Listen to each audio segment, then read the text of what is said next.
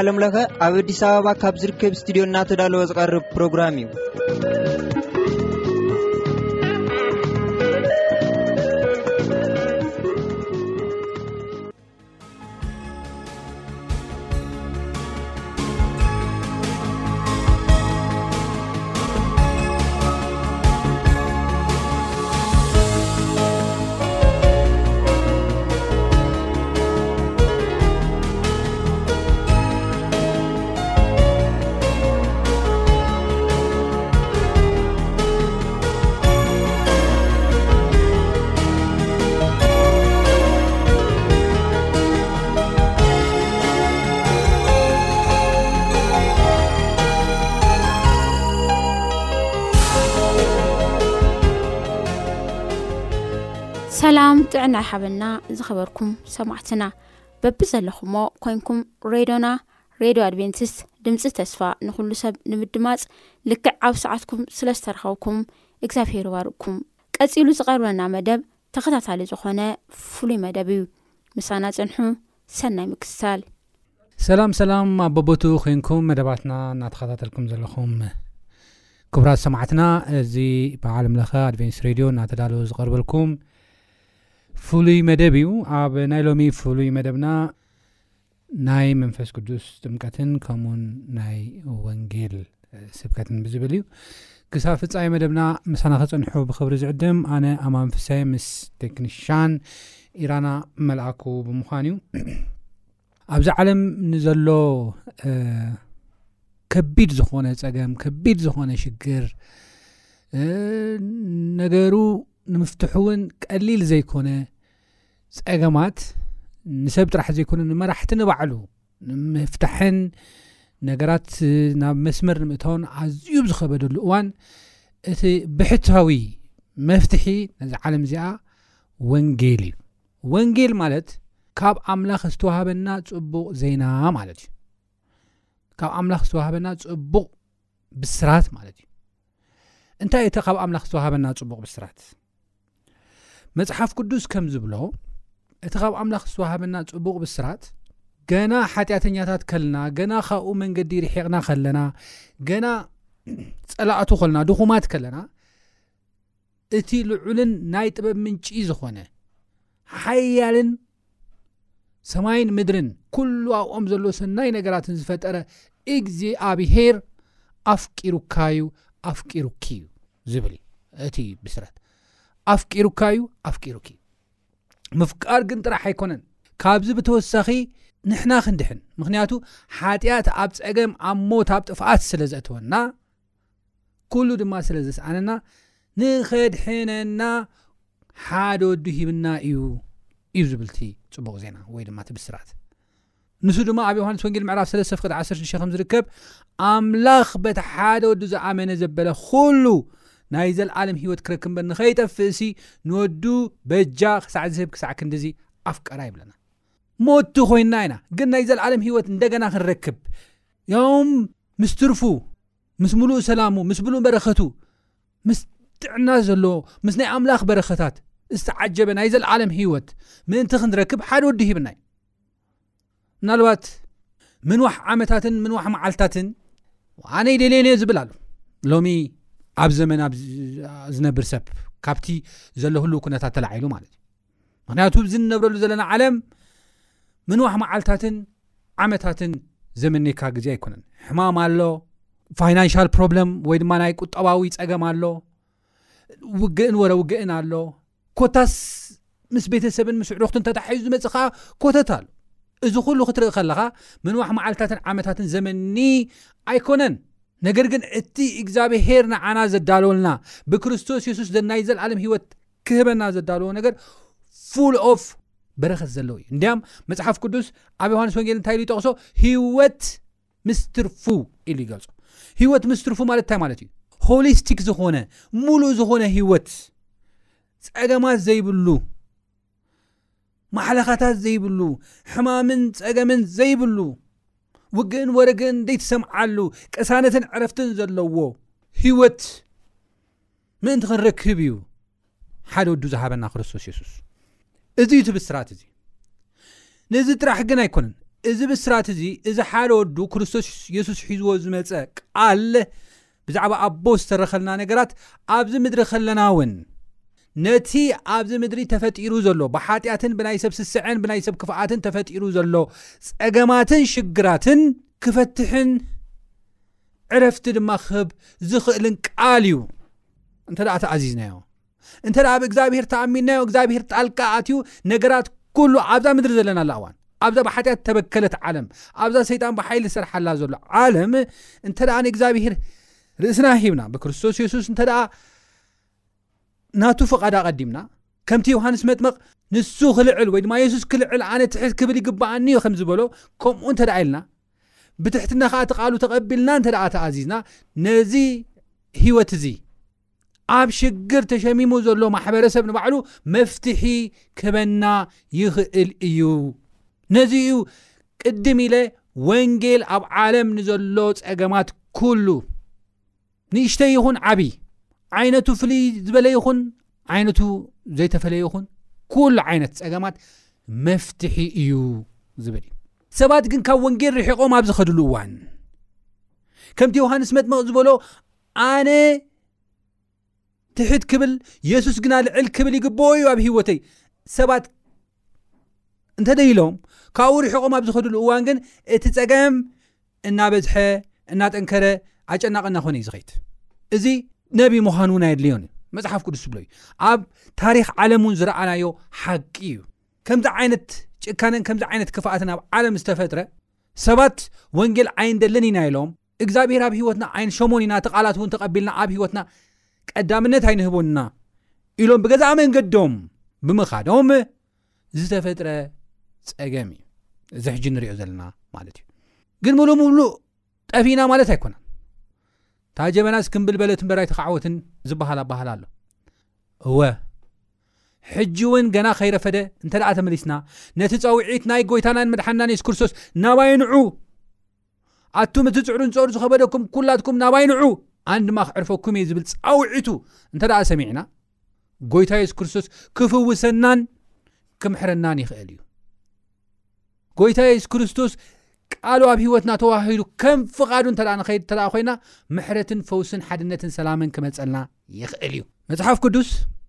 ጎይታና የሱስ ክርስቶስ ዳግም ከም ዝምለስ ዳግም ከም ዝመፅእ ብርግፅ ዘቐምጦ ቓል ኣሎ ኢልዎም እዩ ልብኹም ኣይጨነቕ ኢሉ ኣብ ዮሃንስ ወንጌል ምዕራፍ 14 ፍቕዲ ሓደ ክሳብ ሰለስተ ተዛርበ ዮ ከምዚ ይብል ልብኹም ኣይሸበር ብኣምላኽ እመኑ ብኣይ እውን እመኑ ኣብ ቤት ኣቦይ ብዙሕ ማሕደር ኣለው እቲ እንተዘይህሉስ ምበልኩኹም ነይረ ስፍራ ከዳለልኩም ኸይድ ኣለኹ፣ ከይደ ስፍራ ምስ ኣዳለኹልኩም፣ ኣብቲ ኣነ ዘለኹዎ ንስኻትኩም ኣብኡ ምእንቲ ክትኮኑ፣ ተመሊሰ ክመጽእ እየ እሞ፣ ናባይ ክወስደኩም እየ። ስለዚ እቲ የሱስ ክርስቶስ ተመሊሱ ከም ዝመጽእ እንደገና ቅድሚ 2000 ዓመት መጺዎ ዝነበረ ዋጋ ክኸፍለልና ኣብ መስቀል ክስቀል መጺኡ ከም ዝነበረ ሕጂ እንደገና ተመሊሱ ክመጽእ ሕጂ ግን ንክስቀል ኣይኮነ ዝመጽእ ሕጂ ብኽብሪ እዩ ዝመጽእ ነቶም ጽበይዎ ንኽወስዶም እዩ ዝመጽእ ነቶም ብኡ ምእማኖም መከራ ዝመጾም ሰባት ንብዓት ኣዒንቶም ክደርዝ እዩ ዝመጽእ እግዚኣብሔር ኣምላኽ ክብርና ኣምላኽ ይኹን ስለዚ ቅድሚ ጎይታ የሱስ ክርስቶስ ምምላሱ ግን ሕጂ ዳግማይ ቅድሚ ምምላሱ ግን ዝኽሰት ዓብዪ ክስተት ኣሎ ይብለና ኣብ ማቴዎስ ምዕራፍ 24 ፍቕዲ 14 ከይድና ንሪኦ ኣለዋን ዝኽሰት ሓደ ዓብ ክሰት ኣሎ ቅድሚ ምምላሱ ክርስቶስ ቅድሚ ምምላሱ ሓንቲ ዓባይ ክሰት ኣላ ቅድሚ እዩ ትኽሰት ማለት እዩ ብዙሕ ምልክታት ኣሎ ክርስቶስ ዳግም ከም ዝምለስ ብዙሕ ምልክታት ኣሎ ነገር ግን ቅድሚያ ዘላ ሓንቲ ነገር ኣላ ንሳ ተተወዲኣ ክርስቶስ ክመፅ እዩ ንሳ ድማ እንታይ ወንጌል ንዓለም ክስበኽ እዩ ዝብል ቃል እያ ከንብቦ ይደሊ ዮሃንስ ወንጌል ምዕራፍ ዕስራን ኣርባዕተን ፍቕዲ ዓሰርተ ኣርባዕተ እዚ ወንጌል መንግስቲ ከዓ ንመስክር ኩሎም ኣህዛብ ኣብ ብዘላ ዓለም ክስበኽ እዩ ሽዑ መወዳእታ ይመፅእ ይብለና ወ እዚ ወንጌል መንግስቲ ይብለና እዚ ወንጌል መንግስቲ ማለት እንታይ ማለት እዩ ናይ ኣምላኽ መንግስቲ ዝመሓዳደረሉ ወንጌል ማለት እዩ ኣብዛ ዓለም እዚኣ እዘን ናይ ዓለም መንግስታት ብምልአን ኣመሓደርቲ ዝበሃሉ ሰባት ብምልኦም ብመን እዮም ዝዝወሩ ብመን እዮም ዝምርሑ እንተ ኢልና ምናልባት ርግፀኛታት ክንከውን ንኽእል ኢና በቲ ክፉ በቲ ዲያብሎስ እዮም ዝምርሑ መንግስቲ ኣምላኽ ዝመሓደረሉ ደንቢ ኣብዛ ምድሪ ተቐባልነት የብሉ ስለዚ ተቐባልነት ስለ ዘይብሉ እቶም ኣብ መንግስቲ ኣምላኽ ክነብሩ ዝኽእሉ ናይ መንግስቲ ኣምላኽ ኣባል ክኾኑ ዝደልዩ ሰባት ግን እቲ ናይ ወንጌል መንግስቲ መጀመርያ እንታይ ክገብርሎም ክሰምዑ ክኽእሉሎም ብምርጮኦም ተቐቢሎም ከዓ ናብታ ናይ መንግስቲ ኣምላኽ ክቀላቀሉ እዮም ምክንያቱ ናይ መንግስቲ ኣምላኽ እንታይ ፍፅምቲ እያ ረብሻ የብላን ኣምላኽ እዩ ዝመራሒ እያ ስለዚ እዚ ወንጌል መንግስቲ ክብል ከሎ ናይ መንግስቲ ኣምላኽ ዝመሓዳደርሉ ወይ ድማ ናይ መንግስቲ ኣምላኽ ማእኸል ዝኾነ ሓሳብ ኣብዚ ምድሪ እዚ ትወንጌል ተባህለ ክስበኽ እዩ ዳሓርታይ ክኸውን እዩ መጨረሻ ክኸውን እዩ ወይ ድማ መወዳእታ ክመፅ እዩ ክርስቶስ ወይ ድማ ዳግም ክመለስ እዩ ክብል ከሎ ኢና ንርኢ ማለት እዩ እዚ እንታይ እዩ ዘርእየና ክንብል ከለና እግዚኣብሄር ምስጢሩ ብነብያት ባረቱ ከይነገረ ንሓደ እኳ ኣይፈርድን እዩ ወይ ድማ ኣብ ሓደ እኳ ኣይገብርን ይብለና መፅሓፍ ቅዱስ ኣብ ኣሞፅ ምዕራፍ ስለሰፈዱ ሸውዓተ ከይና ንርኢ ኣለዋን ሓደ እኳ ኣይገብርን እዩ ምስጢሩ መጀመርያ ብነብያት ባሮቱ ገይሩ ንኩሉ ህዛብ እንታይ ክገብር እዩ ከፍልጥ እዩ ሂወት ክትኣትዉ ናይ ዘላለም ሂወት ክትወርሱ እትደልዩ ሰባት ብምሉእኹም ሓጢኣትኩም ክድምሰሰልኩም እትደልዩ ኩሉኹም ሰባት እቲ ወንጌል ናባኹም ይመፅእ ኣሎሞ ወይ ተቐበሉ ወይ ኣይትቀበሉ ምርጫ እዩ መንግስቲ ኣምላኽ ብምርጫ ንኣትዎ እበር ብግዴታ ኣይኮነን ንኣትዎ ስለዚ ንኩሎም ምስክር ክኸውን ስለ ዘለዎ ንዓይ ኣይሰማዕኹን እከለ ይሰምዐን እከለ ይሰምዐን ዝበሃል ነገር ምእንቲ ከይመፅእ ኣምላኽ ፃድቕ ስለ ዝኾነ ፍትሓዊ ስለ ዝኾነ ንኩሉ እቲ ወንጌል ከም ዝነግር እዩ ዝነግረና ማለት እዩ እዚ ወንጌል እዚ ከድና ንሪእሉ እዋን ኣብ ናይ መወዳእታ ግዜ ክርስቶስ ቅድሚ ምላሱ ቅድሚ ምስካሩ ብዙሓት ወንጌል ዝምስክሩ ሰባት ሓያላት ናይ እግዚኣብሄር ሰባት ከም ዝለዓሉ ብዙሓት ከም ዝፍጠሩ ኣብቲ ግዜ እቲ ማለት ሓደሽ ዝፍጠሩ ዘይኮኑስ ብዙሓት ከም ዝወፁ ንፉዓት ቃል ኣምላኽ ክሰብኩ ከም ዝወፁ ይዛረበ ናይ ከምዚ ናይ ሎሚ ግዜ ማለት እዩ ሎሚ ሕጂ ሓያላት ወንጌል ሰበኽቲ ኣለዉ ብዙሓት ንሕና እውን ናቶም ኣካል ክንከውን ንኽእል ኢና መንፈስ ቅዱስ ክንቅበል ንኽእል ኢና ብኸመይ ዝብል ሓሳብ ኢና ሎም እዚ ሎሚ ዝጀመርናዮ ትምህርቲ ንቐፃሊ እውን ንሪኦ ትምህርቲ ትኩረትና ዝኸውን ማለት እዩ ብኸመይ ኢና ኣነ ከመስካሪ ክኸውን ዝኽእል ዝብል ሓሳብ ኢና ክንሪኦ ማለት እዩ እሞ ብናይ መንፈስ ቅዱስ ሓይሊ እዩ ዝኸውን ብዘይ መንፈስ ቅዱስ ሓይሊ ክኸውን ኣይክእልን እዩ ኣብ እዮኤል ምዕራፍ 2ልተ ፍቕዲ 2ራሰለስተ ኬና ንርእየኣልዋን ከም ዝብል ሓሳብ ኣሎ ኣቱም ደቂ ፅዮን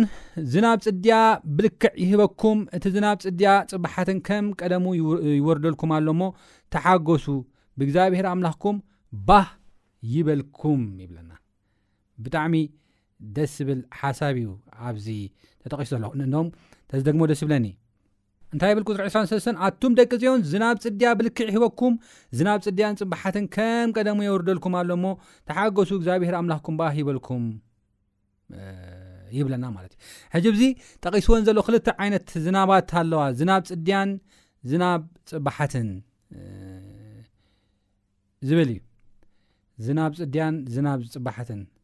ከም ቀደሙ የውርደልኩም ኣሎ ይብለና እዚ ዝናብ ጽድያን ዝናብ ጽባሓትን ወይ ድማ እዚ ኣብ ግዜኡ ዝወርድ ዝናብን ደድሕሪኡ ከዓ ድሒሩ ዘንብ ዝናብን ክንብል ንኽእል ኢና እንታይ እዩ ዘርእየና ዝብል ሰፊሕ ሓሳብ እኳ እንተኾነ ሕፅር ዝበለ ሓሳብ ክንክበኩም ይደሊ መጽሓፍ ቅዱስ ኣብ ዮሃንስ ወንጌል ምዕራፍ ሸተ ከይናም ንርእየሉ እዋን ማይ ምስ ናይ መንፈስ ቅዱስ ስራሕ ኣዛሚዱ ክሪኦ ከሎ ኢና ንርኢ እንታይ ይብል ዮሃንስ ወንጌል ምዕራፍ ሸ ፍቅዲ 37 በታ ድሕሪቲ ዓባይ መዓልቲ በዓል የሱስ ደው ኢሉ ጨደረ በለ እውን ዝፀመ እንተሎስ ናባይ ይምፃእ እሞ ይስተ ብኣይ ዝኣምን ከምቲ ፅሑፍ ዝብሎ ካብ ከብዱ ሩባታት ማይ ክውሕዝ እዩ። የሱስ ስለ ዘይከበረ መንፈስ ቅዱስ ኣይወረደን ነበረ እሞ፣ እዚ ብዛዕባ እቲ ብእኡ ዝኣመኑ ክቕበልዎ ዘለዎም መንፈስ ተዛረበ። ሽዑ ኻብቶም ህዝቢ ሓያሎ ዘዛረባ ሰሚዖም፣ እዚ ብሓቂ እቲ ነብዪ እዩ በሉ። ሕጂ ኣብዚ ሓሳብ እዚ ኼድና ንርእየሉ እዋን ዮሃንስ ወንጌል ምዕራፍ ሸውዓተ ፍቕዲ ሰላሳን ሸውዓተን ዝጸምኤ እንተሎ ናባይ ይምጻእ እሞ ይስተ ዝበሎ እቲ ማይ ዘመላኸቶ ንመንፈስ ቅዱስ ከም ዝኾነ ዘርኢ ሓሳብ እዩ ማለት እዩ ስለዚ ዝናብ ዘርኦ ወይ ድማ እቲ ዝናብ ፅድያን ዝናብ ፅባሓትን ዝብሎ ዘሎ ነገራት እንታይ እዩ እቲ ናይ መንፈስ ቅዱስ ምውራድ እዩ ኣብ ህዝቢ እግዚኣብሄር ንህዝቡ በፂሑ ንምንቕቓሕ ንካልኦት ድማ ወንጌል ንምብፃሕ ንካልኦት ድማ እቲ ሓቂ ንምክፋል ዝገብሮ ክርስቶስ የሱስ ዝልእኾ ዕዮ ከም ዝኾነ ወይ ድማ ስራሕ ከም ዝኾነ እዩ ዝነግረና እዚ ሓሳብ እዚ ከም ቃሉ ድማ የሱስ ክርስቶስ ዝናብ ፅድያ ወይ ድማ እቲ ናይ ቅደም መጀመርያ ዝወርድ ዝናብ ከም ቃሉ ኣብ ግብረ ሃዋርያት ምዕራፍ ክልተ ከይና ንርኢ ኣለዋን ከውርድ ከሎ እቲ ዝናብ ኢና ንርኢ መንፈስ ቅዱስ ክቦም ከሎ ኢና ንርኢ ንመን ነቶም ድሕሪ ዕርገት የሱስ ክርስቶስ ርእሶም እናመርመሩ ቃል ኣምላኽ ዘፅንዑ ዝነበሩ በቲ ዝነበሮም ኣዝዩ ዝገርም ፍቕርን ኣዝዩ ዝገርም ምትሕስሳብን ወይ ድማ ምርድዳእን ናይ ጸሎትን ናይ ትሕትናን መንፈስ ንዓሰርተ መዓልቲ ኣብ ዝገበርዎ ግዜ ድሕሪ ዓሰርተ መዓልቲ ኣብ መዓልቲ ጴንጠቆስጠ ቀን እቲ ዝናብ ከም ዝወረደ መንፈስ ቅዱስ ከም ዝወረደሎም እዩ ግብረ ሃዋርያት ምዕራፍ ክልተ ዝነግረና ማለት እዩ። እዚ ነገር እዚ መንፈስ ቅዱስ ምስ ወረደሎም ከመይ እዮም ኮይኖም እንታይ እዩ ተፈጢሩ ክንብል ከልና ግብራውራት ምዕራፍ ክልተ ፍቕዲ 16 ክሳብ 18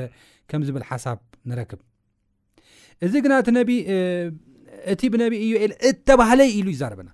ስለዚ ነቢ ኢዩኤል ዝናብ ፅድያን ዝናብ ፅባሓትን ዝብሎ ዝነበረ ቃል ብዛዕባ ናይ መንፈስ ቅዱስ ምውራድ እምበር ብዛዕባ ሊትራል ዝናብ ከም ዘይነበረ ይዛረብ እዩ እና እንታይ ይብል እዚ ግና ብነቢብ ኢዮኤል እተባህለ ይብል ናይ ግብረ ሃዋርያት ጸሓፊ በተን ዳሕሮት መዓልትታት ክኸውን ይብል ኣምላኽ ኣብ ልዕሊ ስጋ ዝለበሰ ኩሉ መንፈሰይ ከፍስስ እየ ኣወዳትኩም ኣዋልድኩም ክንበዩ ኣግባዝኩም ራእይ ክርእዩ ኣረገውትኹም ሕልሚ ክሓልሙ እዮም በተን መዓልታት እቲኣተን ድማ ሰብኡትን ኣንስትን ባሮተይ ከብ መንፈሰይ ከፍስስ እየ ንሳቶም ከኣ ክንበዩ እዮም ይብለና ንሳቶም ከዓ ክንበ እዮም ስለዚ መንፈስ ቅዱስ ኣብ ዝወርደሉ እዋን ወይ ድማ መንፈስ ቅዱስ ኣብ ንቕበለሉ እዋን እቲ ክኸውን ዘለዎ ወይ ድማ እቲ ኣብ ሂወትና ዝርአ ወይ ድማ ኣብታ ማሕበር ክርስቶስ ዝረአ ነገር ተሃለወ እዚ እዩ ናይ መንፈሳዊ ውህብቶታት ላይ ሕልሚ ትንቢት መዝሙራት ኣገልግሎታት ከም ዝበዝሕ እዩ ዝዛረበና ማለት እዩ ብካልእ ኣባህላ ሓይለ ከም ዝረኽቡ እዩ ዝነግረና ኣብዚ ክንሪኦ ዘለና ነገር ሓደ ተሃለወ እንታይ እዩ እዚ ናይ መንፈስ ቅዱስ ዝናብ ኣብ ዘነበሉ እዋን ወይ ድማ መንፈስ ቅዱስ ባዕሉ ኣብኦም ኣብ ዝወረደሉ እዋን እቲ ውፅኢት ከድና ክንሪኦ ከለና ብኣሽሓት ዝቁፀሩ ሰባት እዮም እንታይ ኮይኖም ወንጌል ሰሚዖም ወንጌል ጥራሕ ሰሚዖም ዘይኮነ ነገር ግን እቲ ዝሰምዕዎ ወንጌል ውፅኢታዊ ኮይኑ ብዙሓት ናብ ማሕበር ጎይታ ከም ተጸንበሩ እዩ መጽሓፍ ቅዱስ ዝዛረበና ማለት እዩ ስለዚ ወንጌል ብዘይ ናይ መንፈስ ቅዱስ ሓይሊ ሓደ ሰብ ክሰብኽ ከም ዘይክእል ሓደ ሰብ ከብፅሕ ከም ዘይክእል ሓደ ሰብ ናይ ሓደ ሰብ ካልእ ሰብ ልቢ ክልውጥ ከም ዘይክእል ዘርእና ሓሳብ እዩ ማለት እዩ ናይ መንፈስ ቅዱስ ሓይሊ ናይ ሞራል ማለት እዩ እሞ እዚ ናይ መንፈስ ቅዱስ ምውራድ መጽሓፍ ቅዱስ እንታይ ኢሉ ይገልጾ ብፍላይ ቅድም ኢለ ኣብ ገብረ ሃዋርያት ምዕራፍ ሓደ ገሊጸ እዮም ዝነበርኩ ሰባት እዞም ደቂ መዛሙርቲ ሃዋርያትን ተኣኪቦምሉ ዝነበሩ ከምኡ ምስኦም ኣንስቲ ዝነበራ ብዙሓት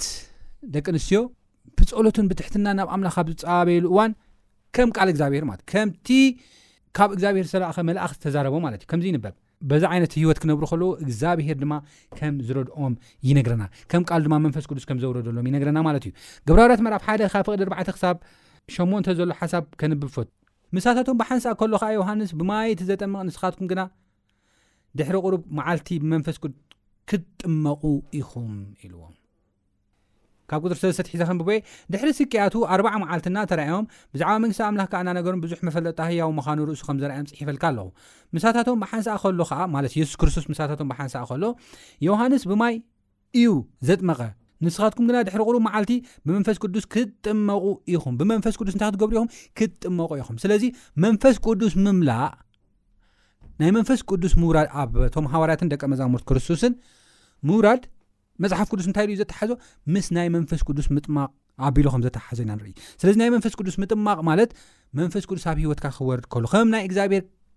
ናይ ተስፋ ቃል መንፈስ ቅዱስ ኣብ ሂወትካ ክወርድ ከሎ ከም ዝኾነ እዩ ዘርእና ንዑ እዩ ብመንፈስ ቅዱስ ክትጥመቑ ኢኹም ኢልዎም ክትጥመቑ ማለት እንታይ ማለት እዩ እቲ ዝናብ ክወርድ እዩ ሙሉእ ብምሉእ ድማ ኮንትሮል ገብረኩም እዩ ምጥማቕ እቲ ትርጉሙ ባፕቲዞ ዝብል ቃል ኬናብ ንሪኤሉ እዋን ሙሉእ ብምሉእ ምስጣም ሙሉእ ብምሉእ ምሽፋን ማለት እዩ ስለዚ እዚ ምሽፋን ምጥማቕ ማለት እንታይ ማለት እዩ ክትጥመቑ እዮም ብመንፈስ ቅዱስ ክትጥመቑ ኢኹም ክብል ከሎ መንፈስ ቅዱስ ኩሉ ነገራትኩም ክቋፀር እዩ መንፈስ ቅዱስ ኩሉ ነገራትኩም ክጥቀመሉ እዩ ዝብል ቃል ኢና ንርኢ ዘለና ምናልባት ኣብዚ ሓደሓደ ሚስ ኣንደርስታንዲንግ ክፍጠር ስለ ዝኽእል ሓደ ሓደ ነገር ክሊር ክገብር እደሊ መጀመርያ ግን እታ ሒዝያ ዘለኹ ጥቕሲ ከንብባ ይደሊ ነቲ ካባይ ዝሰማዕኩሞ ተስፋ ኣቦይ ተጸበዩ ኢሉ ካብ ኢየሩሳሌም ከይወፁ ኣዘዞም ይብለና የሱስ ክርስቶስ ሽዑ ተኣኪቦም ከለዉ ጎይታይ በዚ ወርሓት እዚ ዶን እስራኤል መንግስቲ ከተቐኒዕ ኢኻ ኢሎም ሓተትዎ ንሱ ከዓ ኣቦ ብስልጣኑ ዝመደቦን ዘመኑ ግዜኡን ክትፈልጡ ናታትኩም ኣይኮነን መንፈስ ቅዱስ ናባኻትኩም ምስ ዝወርድ ግና ወይ ድማ ብመንፈስ ቅዱስ ኣብ ትጥመቕሉ እዋን ግና ማለት እዩ ሓይሊ ክትቅበሉ ኣብ የሩሳሌም ኣብ ኩሉ ኣይሁዳን ኣብ ሰማርያን ክሳዕ ወሰን ምድሪ ምስክር ክትኮኑኒ ኢኹም ኢሉ ከም ተዛረብ ኢና ንርኢ ስለዚ መንፈስ ቅዱስ ምጥማቕ ማለት መንፈስ ቅዱስ ኣባኻትኩም ከም ዝወርድ እዩ መንፈስ ቅዱስ ኣባኻትኩም ክወርድ ከሎ እንታይ እዩ ዝግበር ሓይሊ ክትቅበሉ ኢኹም እቲ ሓይሊ ግን ንምንታይ ምስክር ንምዃን እዩ ምስክር ኢየሱስ ንምዃን እዩ ወንጌል ንኻልኦት ንምብጻሕ እዩ እቲ ብስራት ናይ መንግስቲ ወንጌል ብደንቢ ጌርካ ንኻልኦት ንምብጻሕ እዩ እቲ ሓይሊ ተቐበሎ ማለት እዩ እምበር መንፈስ ቅዱስ ምጥማቕ ወይ ድማ መንፈስ ቅዱስ ኣባኻ ወሪዱ ማለት ስኢልካ ዘየለ ነገር ምግባር ኣይኮነን እምበር ምስባር ገለመለታት ካልእ ካልእ ነገራት ኣይኮነን ግብረዋርያትን እውን ብደንቢ ክንሪኦ ኢና ብርግፅ ምዕራፍ ክልተ ዘሎ ሓሳብ ክንሪኦ ኢና ብርግፅ ግን መንፈስ ቅዱስ ክወርድ ከሎ ሓይሊ ኢና ንቕበል ንምንታይ ኢና ግን ሓይሊ ንቕበሎ ንክንምስክር ንክንዛረብ ንካልኦት ዘይደሓኑ እቲ ወንጌል ንኸነፍልጥ እዩ እምበር ካልእ ከም ዘይኮነ እዚ ቃል እዚ ይምስክረልና እሞ በዚ መልክዕ እዚ ክንሕዞ ከም ዘለና እዚ ሓሳብ እዚ ክርድኣና ይግብኦ ማለት እዩ እዚ መንፈስ ቅዱስ ምውራድ ኣብ ህይወትና ወይ ድማ መንፈስ ቅዱስ ምጥማቕ ኣብ ህይወትና ስኢሉ ዝመጽእ ኣይኮነን ሉቃስ ናይ ግብረ ሃዋርያት ጸሓፊ ወንጌል ሉቃስ እውን ባዕሉ እዩ ጽሒፍዎ ባዕሉ ተዛሪቡ ነይሩ እዩ እንታይ ኢሉ ለምኑ ክወሃበኩም እዩ ድለዩ ክትረኽቡ ኢኹም ማዕጾ ኳሕኳሕ ሓብሉ ክኽፈተልኩም እዩ ምስ በለ መን እዩ ወዱሲ ነቦ ሓቲትዎ በጃኻ እንዶ እንጀራ ሃበኒ ኢልዎስ መን እዩ ተመን ወይ ዕንቅርቢት ዝህቦ ንስኻትኩም ግዳ ክፉኣት ክነስኹምሲ ከምዚ ዓይነት ጽቡቕ ህያብ ምሃብ ካብ ፈለጥኩም ሲ እቲ ኣብ ሰማይ ዘሎ ኣቦኹም እቲ እንታ ዘይብሉ እቲ ፍቕሪ ዝኾነ እግዚኣብሄር ኣምላኽ ክንደይ ኣብዚሑ መንፈስ ቅዱስ ዘይበኩም ይብለና ክንደይ ኣብዚሑ መንፈስ ቅዱስ ዘይበኩም እቲ ፍቕሪ እንብሎ ኣምላኽ እቲ ለዋሂ ንብሎ ኣምላኽ ክንደይ ኣብዚሑ መንፈስ ቅዱስ ዘይበኩም ይብለና እሞ ብመንፈስ ቅዱስ ምጥማቕ ወይ ድማ እቲ ናይ መንፈስ ቅዱስ ሓይሊ ኣባና ምውራድ ስኢሉ ዝመፅእ ዘይኮነ ሲ ነገር ግን ብትሕትና ኣብ ቅድሚ እግዚኣብሄር ቀሪብና ርእስና እናመርመርና ልክዕ ከምቶም ሃዋርያትን ደቀ መዛሙርቲ ክርስቶስ የሱስን ርእስና እናመርመርና ሓጢኣትና እናወገድና ነንባዕልና ይቅርታ እናተባሃልና ኣብ ንልምነሉ እዋን ናባና ከም ዝወርድ እቲ ናይ መንፈስ ቅዱስ ውህበት ድማ ከም ንረክብ እዩ ዝነግረና ዘሎ ማለት እዩ እዙይ እቲ ሓሳብ እቲ ማለት እዩ ስለዚ ድሌት ወሳኒ እዩ ናይ ጴንጠቆስጠ ናይ መንፈስ ቅዱስ ምውራድ ነቶም ደቂ መዛሙርቲ ስክኢሉ ዝመፀ ነገር ኣይኮን ሃዋርያት ስለ ዝኾኑ ናይ ሃዋርያት ሽም ስለዝሓዙ ይኮን ነገር ግን ብትሕትና ዓሰርተ መዓልቲ ተፀበዩ ከም ዝበሎም የሱስ ክርስቶስ እናተፀበዩ እናፀለዩ ነንባዕሎም ይቕሬታ እናተባህሉ ብትሕትና ኣብ ቅድሚ እግዚኣብሄር ስለ ዝቐረቡን ቃሉ ድማ እናመርመሩ ስለ ዝፀንዑን እዩ እምበር ዕድል ወይ ድማ ስኢልካ ሎተሪ ስለ ዝበፅሖም ነገር ኣይኮነን ስለዚ ፀሎት ርእስኻ ምርማር ተዳሊኻ ምፅባይ እዚ ካባና ዝፅበ ነገር እዩ ናይዚ ውፅኢት ድማ እቲ ዝናብ ዝናብ ፅድያ ዝተባሃለ ዝናብ ከም ዝወርደልና ኢና ንርኢ ብርግፅ ኣብ ናይ እስራኤላውያን ከና ንርኢ ኣለዋን ኣብ ክልተ ውቅትታት ዝናብ ከም ዝነበሮም ኢና ንርኢ ዝናብ ፅድያ ዝብልዎ ካብ ጥቅምትን ሕዳርን ኮይኑ እቲ ዳሕረዋይ ዝናብ ዝብልዎ ከዓ ወይ ድማ ዝናብ ፅባሓት ዝበሃል ድማ ኣብ መጋቢትን ሚያዝያን ኣከባቢ ከም ዝኾነ ኢና ንርኢ እቲ ወርሖም ኣብ ጥቅምትን ሕዳርን ዝዘንብ ነበረ ሄሽዋን ተባሂሉ ዝፅዋዕ ናይ እብራይስጥ ናይ ወርሒ ፀዋዋዒ ኣብኡ እዩ እቲ ዝናብ ዝወርደሎም ነይሩ ዝናብ ፅባሓት ስለዚ እዚ ኣብ ጴንጠቆስተ ዝወረደ ዝናብ ወይ ድማ ሓይሊ መንፈስ ቅዱስ ዝናብ ጽድያ እዩ ንብዙሓት ህዝቦም እንታይ ዝገብር እዩ ዘዳለወ እዩ ብዙሓት ወንጌል ንክቕበሉ ባይታ ዝኸፈተ እዩ ባይታ ዝፈጠረ እዩ እቲ ዝናብ ፅባሓት ግን ኦረዲ ፈሪሲ ናብ ዓፂድ ዝኸደሉ እዋን እዩ እቲ ዝበፅሐ ሲ ኦረዲ ሞር ንክልምለም ናይ ምግባር እዩ እንተ ተጋጊ ሞር ኣብዚ ኣብ ዓለምለኸ ኣድቨንስ ሬድዮ ኮይና ነሰራጮ ብዙሓት ዝተፈላለዩ ሓረስቶት ክትህልው ትኽእሉ ኢኹም ካብ ዝናብ ጽድያን ዝናብ ጽብሓትን እንታይ ጥቕሙ ከም ዝኾነ ካባይ ንላዕሊ ክትፈልጥዎ ትኽእሉ ኢኹም። ምናልባት ንስኹም እውን ክትሕግዙና ትኽእሉ ኢኹም ማለት እዩ። ብዝኾነ ከምዚ ዓይነት ኣፈላላይ ከም ዘለዎ ግን ክርዳእ ይኽእል እየ ማለት እዩ። ብዝኾነ ኣብዚ ክብሎ ዝደሊ ሓሳብ እንታይ እዩ? ብምጽላዮም እቲ ዝናብ ጽድያት ናይ መንፈስ ቅዱስ ሓይሊ ከም ዝረኸቡ እዩ ዝነግረና ማለት እዩ። ስለዚ ንርእስና ቀዲስና ክንህብ ከለና ንክርስቶስ ጎይታ የሱስ ክርስቶስ ድማ ኣሙን ከም ዝኾነ እቲ ናይ መንፈስ ቅዱስ ሓይል ድማ ከም ዝበና ግን ካብዚ ክንርዳእ ንኽእል ኢና ብመንፈስ ቅዱስ ከም ንጥመቕ ከዓ ካብዚ ክንርዳእ ንኽእል ኢና ማለት እዩ ኣብ ዝቕፅል ናይዚ መቐፀልታ ሒዘልኩም ክቐረብ እየ ክሳብ ዝቕፅል ሰሰናዩ ጎይታ ይባረኩም